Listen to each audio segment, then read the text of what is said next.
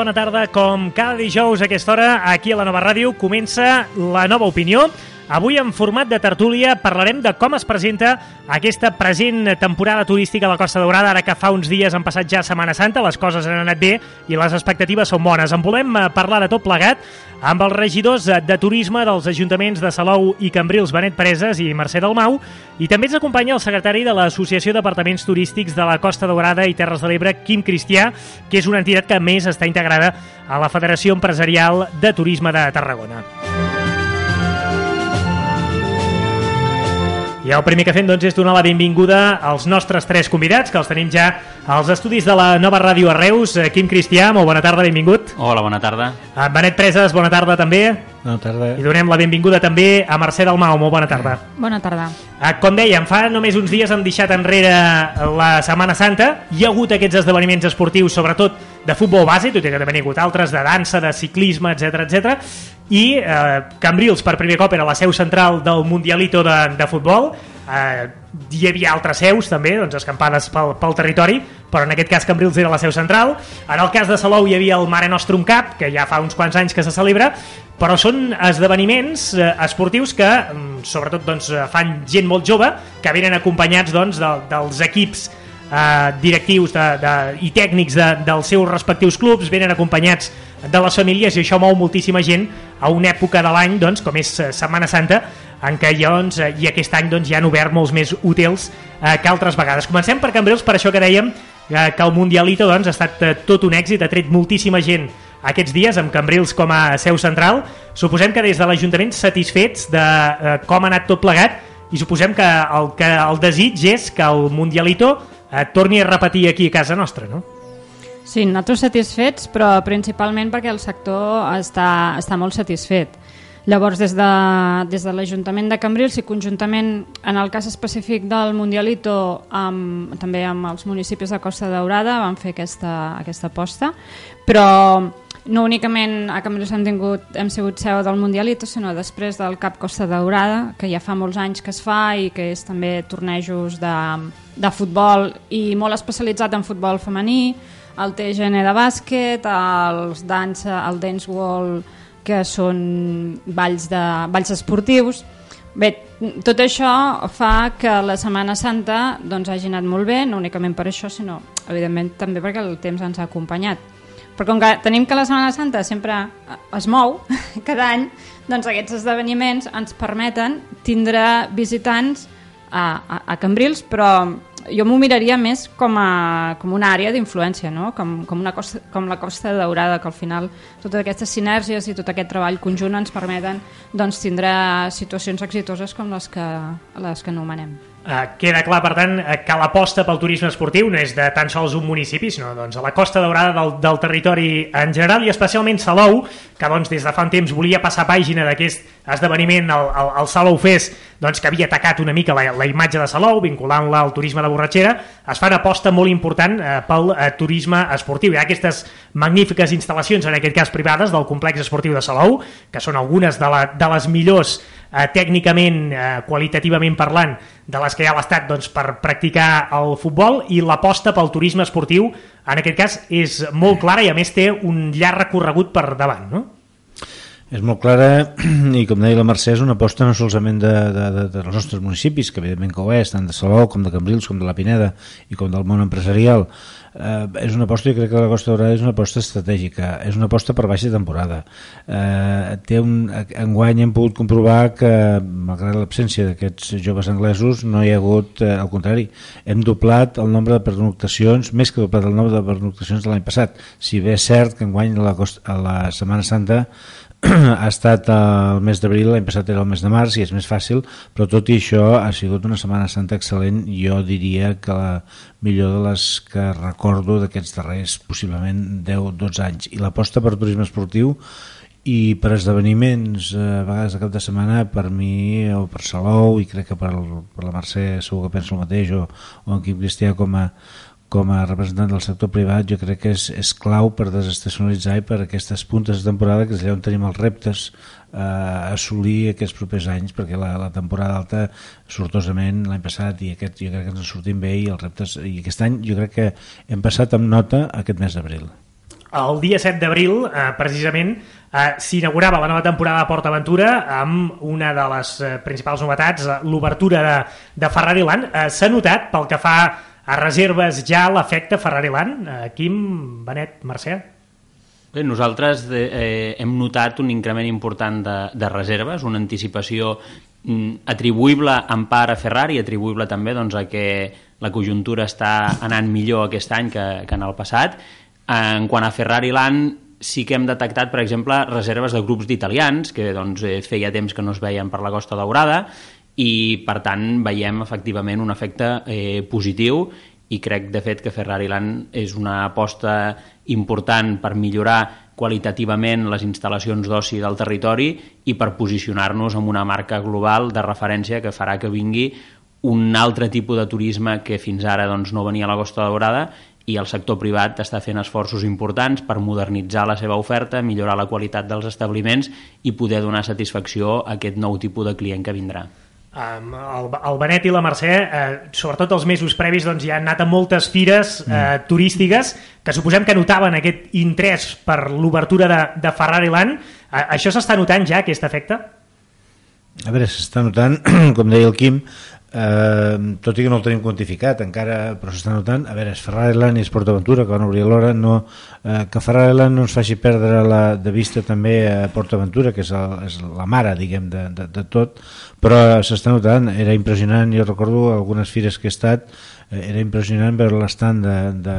PortAventura World, el que és tot l'entorn eh, amb la imatge bàsicament de Ferrari venent Ferrari, era impressionant l'atracció que tenia per qualsevol client pel rus, per l'espanyol, la Mercè estava sí. a Madrid a mi, uh, i en Quim. Vull dir, i l'efecte que tenia la marca Ferrari en qualsevol d'aquests mercats. Ferrari és una marca que a nivell internacional va lligada a, a, coneix, a coneixement de marca evidentment i després a una, a una percepció de, de, de marca de qualitat i això és, és fantàstic Sí, no, com deia, com deia el Benet, eh, evidentment Ferrari el que fa és complementar tota aquesta oferta d'oci que ja tenim a la nostra zona i de, i de pol d'atracció, no? és, per Aventura també fa, doncs, quan anem a les fires i fem promoció, evidentment per Aventura també fa una promoció molt, molt important i que la va centrar molt en donar a conèixer el seu producte de Ferrari. I ja des de l'any passat anava a fires donant a conèixer aquest producte i, i clar, i crec que és molt important perquè ens permet obrir o recuperar mercats que, que potser feia anys que no teníem, no? I aquesta és, doncs bé, allò, sempre diem, no? Uh, lo important és que vinguin, no? Sí. per l'excusa que estigui, un cop els tinguem aquí, els turistes, llavors ja els hi ensenyarem doncs, eh, els nostres altres atributs, però si venen pel sol, si venen per Aventura, si venen per Ferrari Irland, el, el que ens convé és que vinguin. Jo, perdona, si em deixes eh, entenc que és en format sí. obert eh, jo voldria remarcar el que acaba de dir el Quim que eh, han vingut grups d'italians mm. eh, el turisme italià és un turisme gairebé inexistent inexistent no, però amb un, amb un percentatge molt molt baix jo crec que en Ferrari ens dona perquè Ferrari lògicament el país on, on és més conegut i on té més prestigi és a Itàlia no? i no oblidem que l'únic parc Ferrari d'Europa el tenim nosaltres al territori eh, eh, aleshores jo crec que és important això que deia el Quim no? els primers grups italians que s'han vist per aquí per Setmana Santa perquè més enllà del, del públic italià, Ferrari Land, eh, quin nou mercat que no venia gaire aquí a la Costa Daurada pot atraure més? Es parlava també del públic alemany, no sé si això s'ha pogut constatar d'alguna manera que hi ha algunes reserves també per part d'aquest mercat. Hi ha mercat alemany i sobretot també mercat britànic, que és un mercat que el tema doncs, dels cotxes i Ferrari els hi agrada molt, ens ajudarà també doncs, a recuperar el mercat rus, que havia caigut per diferents circumstàncies i que aquest any s'està notant una recuperació important. Al final jo crec que Ferrari és una marca global que ens posiciona al mapa, que ens posa com una destinació diferenciada d'altres destinacions de sol i platja i, el, i és un atractiu eh, obvi per molts mercats que no tenen tendència natural a venir a la Costa Daurada i que ara la feina és nostra, del sector privat, conjuntament amb el sector públic, d'anar a aquests països i atraure aquesta gent i aconseguir diversificar els mercats de, de turistes que estem rebent. Uh, ara Quim Cristià esmentava el mercat rus, doncs, que hi havia hagut una davallada important per doncs, un seguit de, de factors econòmics, sociopolítics, etc etc que havien influït doncs, en, en una baixada d'aquest mercat que havia estat fa uns anys enrere molt important i just eh, fa uns dies en un hotel de, de Cambrils precisament hi havia una trobada d'un operador mm, important que treballa amb el eh, mercat rus i deia que ara les expectatives són molt bones especialment a partir de l'any que ve, del 2018 eh, què eh, fa pensar que es podrà recuperar doncs, a, a aquest mercat rus? Bé, uh, això evidentment sempre anem en funció del que ens diuen els empresaris. La, sem la setmana passada, com tu deies, va tenir lloc al Congrés de, de Natalie Tours, un dels turoperadors més importants de Rússia, de Bielorússia i de tota aquesta àrea d'influència, i, i ells comentaven en base a les seves reserves que eh, es recuperava el mercat i bueno, ells deien en, en nivells doncs, passats. No? De fet, quan vam anar a la Fira de Turisme de Moscou, aquest any era molt diferent a la sensació que hi havia l'any sí. passat. L'any passat, quan vam anar a la Fira, era, bueno, era tot molt, molt negatiu, l'empresariat també estava molt negatiu. Clar, en, en mercats com aquests, com el rus, que van tindre un creixement exponencial molt, molt, molt gros amb, amb, amb una franja de temps molt, molt reduïda, i que a més a més doncs, estan condicionats a la situació política que afecta la situació econòmica, doncs tindran notícies com, com les que vam tindre a la Fira de, de Moscou d'aquest any, que la, tothom deia que era aproximadament que recuperaríem un 10%, un augment d'un 10%. Clar, per nosaltres són xifres bones, perquè és un mercat doncs, que, que l'hem treballat i que per nosaltres és... Jo crec que no és tan important o, o objectiu, com si no complementari, és a dir, a la nostra zona tenim turisme que prové de molts llocs, el rus és un percentatge que és important que el seguim mantenint. Uh, Centrant-nos en els mesos forts de l'estiu, ara que han passat uh, Setmana Santa, uh, quines són les expectatives per aquesta temporada, la del 2017? Són bones, són... aquest estiu té una... Bueno, aquest estiu, tot el que el que ve a partir de, des del mes d'abril les expectatives són bones. Evidentment no sempre estaran no sé, Quim com a empresari podrà dir no sempre eh, els establiments d'allotjament estaran eh, complerts al 100% o al 90% però sí que hi ha una expectativa aquest mes de maig mm, força bona mm, i de cara a juny, juliol realment a vegades jo crec que es queixen alguns operadors turístics la dificultat de trobar eh, llits, de trobar disponibilitat perquè hi ha molta demanda. No oblidem que el, el mercat britànic té un creixement molt important, eh, és el segon mercat, eh, almenys en el cas de Salou és el segon mercat, eh, el mercat espanyol és més difícil de parlar, que és el primer mercat, però l'expectativa que tenim també és molt bona, perquè hem vist que enguany eh, la Setmana Santa ha funcionat molt bé i no ha canibalitzat, que és el que passa a vegades quan hi ha una, un pont a prop que pot ser que la gent surti, si surt eh, un cap de setmana, al cap de dos caps de setmana no torna a sortir. Enguany no ha passat, el pont de maig està, està totalment, en ple no m'atreviria a dir-ho, la gent que vulgui venir, evidentment que, que vingui a trobar lloc, però eh, lògicament que el mercat espanyol això pot ser un indicatiu que el mercat espanyol funcionarà, el mercat britànic tenim dades reals de, de 15% per al damunt, que és el segon mercat, i, i els altres mercats, el francès esperem que vagi bé, i el rus, com, deia la, com bé deia la Mercè, jo crec que un 10% més. L'any passat ja van pujar un 9%, l'any de caiguda realment mm, greu va ser el, el 2015. L'any passat va haver una petita recuperació amb molts esforços i jo crec que tindrà premi l'esforç, els diners que hem invertit, empresaris, administracions, eh, en aquest mercat i continuarem sent la primera destinació de l'estat espanyol amb diferència. Això que ens comenta Benet Preses, des del sector privat ho poden eh, certificar doncs, per les reserves que tenen, eh, que aquestes, doncs, la, la, les previsions per aquest estiu eh, són molt bones? La veritat és que la reserva anticipada aquest any s'està produint en major quantitat, és a dir, les reserves que tenim ara per l'estiu, mesos de juliol, d'agost, de juny, estan en un nivell superior als que teníem l'any passat i hem tancat també una Setmana Santa que per diversos factors, tots aquests events esportius i una climatologia que ha sigut excepcional han fet que hagi estat una bona Setmana Santa, hem començat amb bon peu, les perspectives són doncs, que això segueixi així i el que també estem molt conscienciats des del sector privat és de la importància de fidelitzar tota aquesta gent que ens vindrà a visitar perquè quan les condicions econòmiques o la inestabilitat que tenim en altres països que fa que, doncs, que avui dia doncs, Espanya i Catalunya siguem un destí preferent, quan, quan això canvi la gent eh, vulgui seguir venint a les nostres terres perquè han estat a gust, perquè tenim unes instal·lacions adequades, perquè mm, s'ho passen bé, llavors mm, la feina jo crec que més, més que estar molt satisfets de que les coses sembla que estan anant bé, ho hem d'estar, però hem de tenir també l'esforç tant l'administració pública com el sector privat, de seguir millorant les nostres infraestructures, les nostres instal·lacions i fidelitzar els visitants. Uh, Quim Cristià ens està fent ara un anàlisi genèric de, del sector, doncs, incloent també el sector hoteler, però com dèiem, ell és eh, secretari de l'Associació de Departaments Turístics de la Costa Daurada i Terres de l'Ebre. Permeti'm que li pregunti uh, sobre uh, l'oferta i la demanda pel que fa doncs, a gent que, que prefereix anar a un hotel, un càmping, o en aquest cas doncs, a, a, pel a, que l'ocupa vostè doncs, a un apartament turístic. Uh, tenim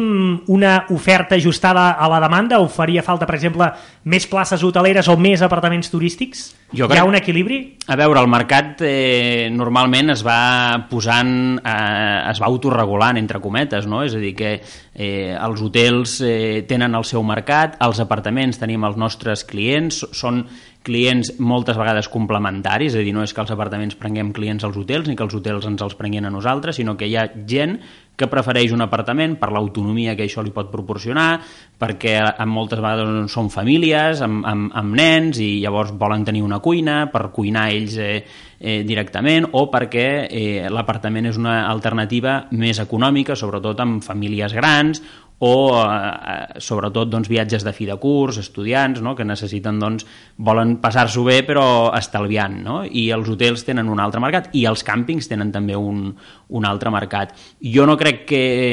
ni, ni que tinguem una mancança ni que tinguem una sobreoferta en cap dels tres tipus d'allotjament. En el cas d'apartaments estaríem parlant d'un perfil de client que fa estades més llargues o d'un perfil més familiar o de gent que viatja en grup? Hi ha, les estades llargues es produeixen, però també el, hi ha gent que fa estades curtes que també prefereix un apartament. Eh, sobretot el nostre, el, la nostra clientela és molt eh, famílies, que a més moltes vegades són famílies repetitives, que cada any venen a, a, a Salou o a Cambrils perquè els hi agrada la zona i es coneixen els apartaments i els hi agrada i ens repeteixen i a més ens demanen aquell mateix apartament i després eh, doncs, grups d'amics no? que el que volen és tenir un allotjament relativament econòmic. Llavors el fet de poder cuinar ells i no haver doncs, de, de, de pagar una pensió a l'hotel no? o, o d'haver de fer una oferta doncs, de pensió inclosa els hi fa que els hi surti més, més econòmic. I des de l'associació que representa també els hi hem sentit dir últimament eh, coses sobre un impost eh, doncs, als habitatges d'ús turístic eh, són molt crítics amb aquest impost, amb la pujada que hi ha hagut. Hem estat i som molt crítics, sobretot perquè mm, estem tots fent un esforç per fidelitzar els clients i aquestes pujades d'avui per demà, i en aquest cas s'ha fet d'una manera precipitada, absolutament improvisada i sense comptar amb el consens del sector dels apartaments, una pujada al que són les vivendes d'ús turístic, on la taxa eh, s'anomena taxa turística, en realitat és un impost, s'ha doblat. S'ha doblat amb una llei que s'aprova el 30 de març i que ha d'entrar en vigor l'1 d'abril. Amb molts clients que havien ja fet la seva reserva amb anterioritat, amb unes condicions que d'avui per demà els hi han canviat i quan han arribat, com que la, la taxa la recaptem als allotjaments, som nosaltres qui hem de donar la cara i dir-los que donde dije digo digo Diego eh, considerem que és una falta de seguretat jurídica important i que aquí el govern de la Generalitat s'ha equivocat i, i ho hem de dir. No, no és que ens oposem a, a que s'apugin els impostos si s'han de pujar, només demanem que s'escolti el sector i que es facin les coses com s'han de fer i si es volia pujar la taxa el que té sentit és haver-ho fet un cop passat l'estiu i no alterar les condicions de reserves que ja s'havien fet amb anterioritat. Una um, polèmica també recent eh, pel que fa al turisme a casa nostra és que eh, per, en part eh, cobrir eh, aquells mesos més fluixos de l'any doncs, eh, captar doncs, eh, altres tipus de client, per exemple de l'Imserso, i hem sentit veus dient això no, no, no ens surt a compte. Què, què, què passa amb, amb els viatges de l'Imserso i la Costa Daurada? Bé, eh, sí que és veritat que el sector empresarial s'ha dit i ho entenem perfectament des de les administracions, Eh, portem molts anys amb uns preus de, que cobren els, els hotels, en aquest cas, perquè Inserso no va a apartaments ni a càmpings, que pràcticament congelats i uns preus mm, francament baixos i que porten en molts casos a replantejar-se eh, els hotelers a continuar treballant o treballant. Ara mateix, eh, si no estic errat, la posició que hi ha de, del món hoteler a nivell estatal és de no continuar amb insersos si és en els preus que estan actualment. Seria un problema gravíssim. Jo vull entendre que l'empresa concessionària ho tindrà en compte perquè tenim la certesa de que IMSERSO, és dir, el, el Ministeri de Sanitat, o és un organisme autònom que depèn del Ministeri de Sanitat, eh, puja el preu del paquet turístic un 5,5%, entendria un error gravíssim per part de l'empresa que gestiona eh, aquests serveis que no traslladés aquest increment en el sector eh, hoteler, en aquest cas perquè es podrien perdre molts llocs de treball, eh, podria a més, Imserso, el programa d'Inserso és un programa que té avantatges per tots costats. Uh, però evidentment no pot ser que sigui a costa de, de, del, del món empresarial. I ara jo no em, vull, no em puc en defensor de l'empresarial però és que no pot ser que sigui a costa d'ells. Uh, hi ha estudis fets pel, pels sectors empresarials en els que diuen que per cada euro que l'Estat inverteix en l'Inserso en recupera un i mig. Un i mig en, fa, en, en, en base a no eh, a la no subsidi d'atur a la percepció de, de, de tresoreria eh, a nivell de recaptació de seguretat social eh, a tots aquests això i, i la i l'activitat la, econòmica que genera evidentment eh, vol dir que genera IVA que genera un munt d'activitats econòmiques aleshores trobaria un error però l'Estat en aquest cas eh, jo no el culpo tant, sinó crec que hi ha un problema aquí amb l'empresa. S'està negociant, eh? s'està negociant i confio que, com sempre, es arribarà una entesa. Hi ha hagut algun altre moment amb alguna tensió, també. Al marge de l'Imserso, um, en aquest sector de gent gran, diguem, que, que, que, podria, que pot viatjar en èpoques de l'any en què la majoria de la gent uh, no ho pot fer, en aquests mesos més, més flujos, pel que fa gent d'altres països per captar turistes d'aquest sector d'edat, quines accions s'estan fent? A veure, eh, es fan accions no, també al voltant del tema del golf, que la nostra destinació, doncs, en el nostre radi hi ha diversos camps de, de golf, i és un tipus de, de turista, podríem dir, que fa estades més aviat mitges i que tenen poder adquisitiu alt i també hi ha un gran nombre de, de jubilats que, que practiquen aquest, aquest esport. No? Eh, això pel que fa a estades, després, clar, cada municipi tenim doncs, tota una sèrie d'actuacions per intentar atraure el públic i desestacionalitzar, que potser molts d'aquestos només ens visiten, com poden ser les jornades gastronòmiques que nosaltres fem des de Cambrils, o altres tipus d'actuacions que normalment sempre les fem um, o sigui, les fem durant tot l'any excepte juliol i agost perquè considerem que aquestes, les jornades gastronòmiques en concret, com que les eh, fem amb l'associació de restauradors, doncs evidentment aquests mesos doncs, ja van molt desbordats de feina i bé, també és una, una forma de, de, de que la gent vingui a la nostra població i ens conegui. En el cas de, de Cambrils, ara ho deia Mercè Dalmau, eh, citava les jornades gastronòmiques. Demà comença una nova edició de les que es dediquen als fideus rossos. Què ens en pot avançar? Bé, doncs que si veniu menjareu molt bé. En qualsevol dels, dels restaurants que hi participen la, um, ara comencem la dels fideus rossos i, i bé, hi trobareu doncs, aquestes, els diferents tipus de jornades gastronòmiques n'hi ha algunes com aquesta que únicament són doncs, tota una sèrie de menús que trobareu en, una, en, en restaurants de Cambrils, no hi ha cap activitat addicional, no? com podria ser les de la carxofa, que crec que van ser les últimes, que sí que hi va haver alguna, alguna acció més popular. Però amb aquestes en específic dels fideus rossos, doncs, el que trobe, trobareu seran això menús en diferents restaurants i que en aquest cas estan maridats amb, amb la cervesa inèdit de DAM, que és el nostre patrocinador per a aquestes jornades. I l'únic que els hi demanem als restaurants és que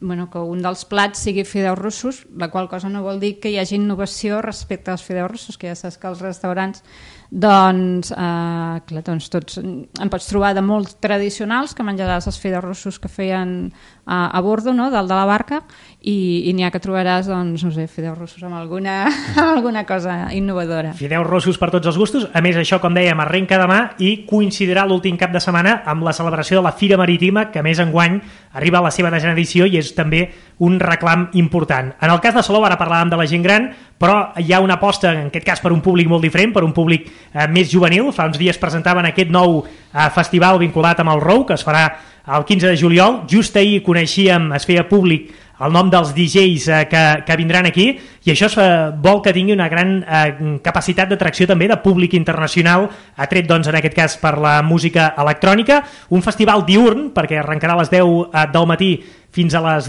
2 de la matinada. Què s'espera des de l'Ajuntament de Salou? Eh, de què s'espera d'aquest eh, festival? Bé, s'espera que sigui, que sigui un èxit, evidentment la, els DJs, per la gent que estigui ficada en el món de, de la música electrònica sé que estan comprant entrades perquè estan a la venda les entrades ja i, i els DJs que venen són de prestigi internacional molt, molt elevat sabem que aquest món de la música electrònica mou molta gent. Un exemple el tenim el mes de juny el Son ara a, a, Barcelona i en un espai que cedeix l'Ajuntament de Salou l'autoritat la, portuària com és la Pedrera que és una zona que, que, que jo crec que causarà el mínim de, de molèsties. Creiem que és un bon és un bon, un bon eh, festival per posar-nos al mapa en un tema que no, no estem que no estem massa ficats, que és el, el festival amb els temes de música a Salou, cosa que Cambrils, la veritat, amb un altre perfil molt diferent, però i tampoc es tractava en cap cas de copiar, de copiar Cambrils, que jo crec que anem molt de la mà tots eh, en el territori de complementar-nos i no, i, i no fer-nos la competència, doncs ha semblat que aquest era, un bon, era un bon, una bona línia de treball. A referir al Festival Internacional de Música de Cambrils, que enguany presenta un magnífic cartell. De festivals d'aquestes característiques n'hi havia, per exemple, alguns ja de referència a Catalunya, sobretot a la, a la Costa Brava, per tant a les, a les terres gironines. I aquí doncs feia falta perquè doncs, eh, es va repensar en un moment el Festival Internacional de Música de Cambrils i ara doncs tenim un cartell al mateix nivell d'aquests altres eh, festivals, això també és un reclam important. I en el cas de Cambrils ens hem de referir també a la inauguració recent que s'ha fet de les instal·lacions de, del Parsamà perquè ara les porta un nou operador que, doncs, que vol atreure molt més públic. D'alguna manera és tornar a posar en valor un patrimoni que ja era conegut per moltíssima gent, però que pot ser també un reclam important, no? Sí, la, el divendres passat van fer la reinauguració, podríem dir, d'aquest espai que és el Parc Samà, que, que és un espai en, la que, en el qual la propietat és, és privada, és del marquès dels descendents del marquès del Salvador Samà, del marquès de Marianau, que, que bé, que era un, un català que va anar a, a Cuba a fer les Amèriques i que quan va venir doncs, va voler recrear tot l'ambient i tota la vegetació que ell li havia agradat eh, molt de, de Cuba i va, i va crear el Parsamà. El Parsamà va estar eh, dissenyat per Ramon Fonseré i eh, Antoni Gaudí també hi va participar amb la torre i en la gruta del Parsamà perquè era d'això la Fonseré i, i bé, i llavors ara el que he fet és l'empresa Expertus doncs va arribar a un acord amb la propietat i exploten el que és doncs, els jardins i també doncs, l'espai que hi ha per a poder fer doncs, convencions i dinars. Han fet una inversió molt important en posar al dia tot el que és l'espai l'espai verd, podríem dir, no? tot el que és la vegetació, Uh, el, el Parc Samà està mm, fantàstic, dir, si no hi ha un us recomano a tothom que ens escolti i a vosaltres que hi aneu, perquè és com un paradís allà al mig. I han, han, rein, han reintroduït també doncs, doncs animals, hi ha tota una sèrie, hi ha com una mena de bosquet on hi ha uns, uns gamos, en català no sé com se diu, bueno, uns, uns bambis per allà, i també hi ha aus exòtiques, i clar, això el que ens permet, mm, no únicament a Cambrils, sinó a tota la destinació, és tindre un punt d'atracció que és molt important per al turisme familiar, que justament és un dels nostres punts forts, no? perquè és un espai on, on s'hi pot anar a passejar, on bé, és, un, és un espai molt, molt bonic i que segur que serà un complement perfecte a tota la resta d'atracció que ja tenim. Eh, noten a, a Salou eh, i a Cambrils, eh, suposem que a Vilaseca deu, deu passar més o menys el mateix, un creixent interès per part de, del turista que ve a la Costa Daurada tret doncs, per PortAventura, pel, pel sol i la platja, eh, per aquesta oferta més de gaire patrimonial, de gaire cultural, que puguin representar exemples com el eh, Parc Samà, o el patrimoni modernista a Reus, o el patrimoni romà a Tarragona, o, o ofertes ja més de comarques d'interior com el Priorat o la ruta del Cister, etc. El notem, el notem va creixent, encara que mm, ens agradaria que, que anés creixent eh, més ràpidament. Eh, va creixent i nosaltres en fem bandera quan sortim, eh, sobretot a l'exterior, perquè a veure, tenim la nostra, la nostra particularitat com a destinació, Salou, Salou, Cambrils, Vilaseca, la Costa Dorada en general, però jo diria que un dels nostres trets diferencials és aquesta oferta complementària que tenim al voltant, que no tothom la té. No tothom té, té Tarragona, o té modernisme de Reus, o té una ruta al cister o té, o té sobretot un, un priorat que per mi és, encara és un, és un gran potencial eh, que tenim aquí eh, creix, creix, cada vegada tenim més demanda. Cada vegada tenim més demanda del que deia la Mercè de llocs d'entorns així com el Parc Samà o de turisme gastronòmic. Però francament eh, necessitem que vagi creixent una mica més perquè jo crec que això ens farà el que ens portarà on el que reivindicava el Quim no? és la fidelització de, del client que no solament té que ser per oferir uns serveis òptims tant des d'un punt de vista d'administracions com des d'un punt de vista privat sinó també per oferir uns complements que no tingui pràcticament ningú eh,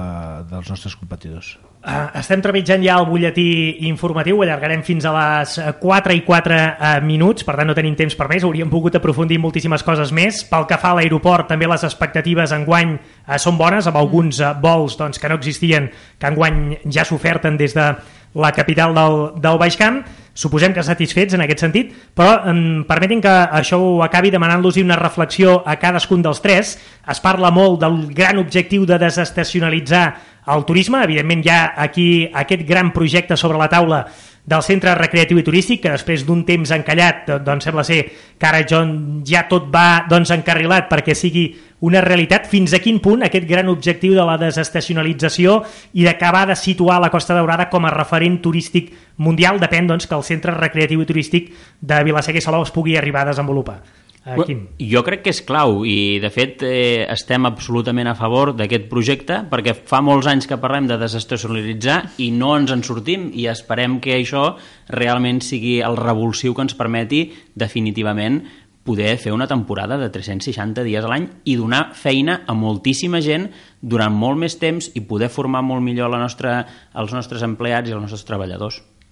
Totalment d'acord amb el que deia en Quim, eh, serà clau, serà clau el nostre futur, a més jo estic convençut de que serà clau, però tot i això eh, no cal esperar que sigui clau, hem de continuar treballant, eh, administració, sector privat, per des desestacionalitzar, independentment de la confiança absoluta amb això que serà clau, però hem de continuar treballant i el que diu en Quim és clau, és important, no hem de, hem de desestacionalitzar i hem de treballar dia a dia amb, amb aquest objectiu.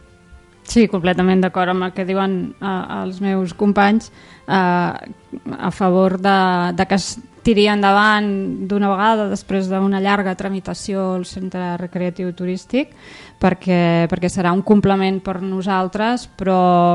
la desestacionalització famosa que tots parlem és una feina a, a mitjà i a llarg termini, no? com moltes de les polítiques a nivell turístic. I per tant aquest anar, anar fent amb uns objectius clars que jo crec que com a, com a territori els tenim i els treballem de forma conjunta, al final ens en sortirem segur. Doncs eh, Quim Cristià, Benet Preses, Mercè Dalmau, moltíssimes gràcies per ser aquí. Esperem que aquesta sigui una temporada magnífica i que les del 2018, 2019, 2020 doncs, encara siguin uh, molt millors. Moltíssimes gràcies per compartir aquesta soneta amb nosaltres i que vagi molt bé. Adéu-siau. Gràcies. gràcies. I els oients que sàpiguen que nosaltres hi tornem la setmana que ve, dijous que ve, amb altres qüestions. Que vagi molt bé. Adéu-siau.